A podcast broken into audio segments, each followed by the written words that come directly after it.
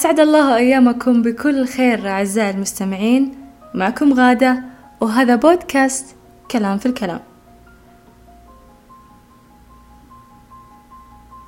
يكون عندك مقابلة شخصية وتلبس أحسن ما عندك من الملابس وتكشخ أحسن كشخة عشان تبي تظهر للناس بأنك مرة رائع مرة يعني تعطيهم انطباع انطباع أول جيد. لكن تدخل المقابلة فجأة تكتشف أن المقابلة قلبت تحقيق ولا فجأة قلبت المقابلة مقابلة استفزازية ولا فجأة قلبت المقابلة موضوع ثاني مختلف ولا كأنه مقابلة. خلنا ناخذها حبة حبة. حلو؟ المقابلات التحقيق يعني يسألك عن أمك يسألك عن أهلك ويسألكم عن وضعكم المادي ويسألك عايش في شقة ولا بيت ولا ولا ولا في علية ولا عايش وين. ويسألك عن عمرك وعن سنوات طفولتك وعن سنوات نضجك.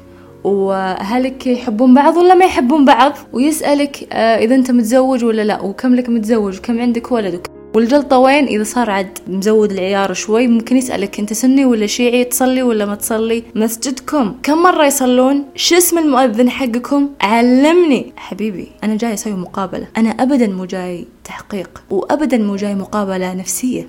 تسألني عن ماضيي وعن مستقبلي وعن كيف شعرت وعن انفعالاتي وإيش فيك حبيبي؟ إيش فيك؟ غلطان. مقابلة شخصية لوظيفة. وظيفة. بغض النظر إيش كانت الوظيفة. إذا وظيفة مهندس أسألني أسئلة عن الهندسة أو عن أعمالي الهندسية اللي سويتها قبل. وظيفة لدكتور أسألني عن حالات طبية. عادي. حقك. تسألني عن أهلي ليش؟ يعني أنا متأكدة أنه لما يسألون أسئلة زي كذا هو مجرد لقاف. مسؤول التوظيف يصير مرة وعليه خمسمية ألف واحد طفشان ومال وكذا فيعني يتسلى ويمرح قليلا. خلني أسأل أسئلة تافهة. وفي بعضهم لا هو يعتبر ويتوقع أنه هذه هي الأسئلة اللي مفروض تنسأل للأسف الشديد. واكتشفت أن في كثير من مسؤولين التوظيف ما عندهم الأساسيات للأسئلة. هو عارف أنه في سؤال مفتوح وسؤال مغلق بس وش يسأل في السؤال المفتوح والسؤال المغلق؟ ما ما يدري.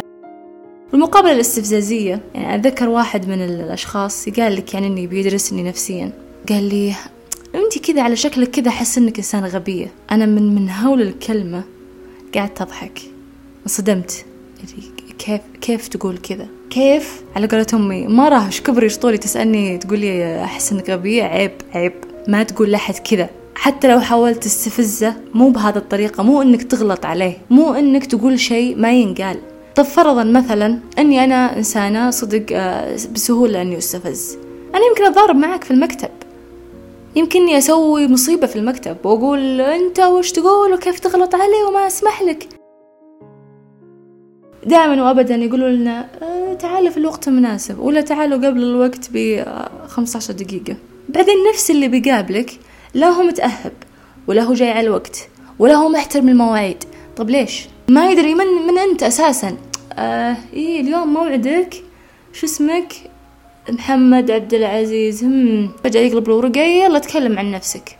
يعني أنا ما أبغى أعلمكم كيف كيف تكونون آه، مسؤولين توظيف جيدين. ولكن هذه في أساسيات شغلتكم أنكم تكونون متأهبين لجميع الناس اللي يحضرون لكم. ومهما سويت نفسك ذكي وقلت إني أنا أبي أعرف خفايا شخصيته خفايا الشخصية ابدا ما طلع أو ما تنكشف بهذه الطريقة بطريقة الاستفزاز أو بطريقة إنك تخليه ينتظرك أو لا لا هذه حركات اف بي اي يلطع أربع ساعات ثم بعدين أجي أقابله عشان يقابلني وهو طفشان وحامة كبدة ويعترف بأخطائه. لا مو كذا هذه مقابلة شخصية وظيفية. في كثير من المقابلات فعليا حسيت فيها بإهانة. أسئلة غريبة آه، أسئلة شخصية زيادة عن اللزوم.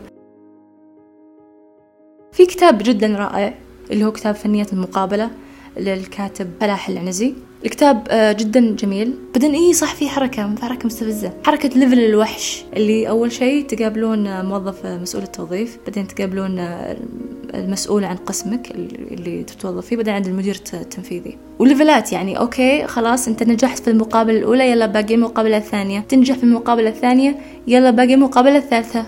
يلا الرابع يلا مراحل كراش حنا إيش فيه؟ اجمعوهم كلهم مع بعض وخلني أسوي مقابلة وانتهينا. يعني القهر وين؟ القهر إنك تنجح في جميع المقابلات ثم مرحلة الوحش تفشل فيها. مرة الموضوع سيء ترى. مرة مرة سيء. أنا ضيعت وقتي لأن غالبا مقابلة الوحش تصير بعد شهر طال عمره لين يتفضى. الشخص المتبحر في مجاله والشخص اللي يبحث هو دائما الشخص الذي يصيب. في النهاية أتمنى أن الحلقة كانت لطيفة خفيفة عليكم وتسمعوني في الحلقة القادمة. وفمان الله.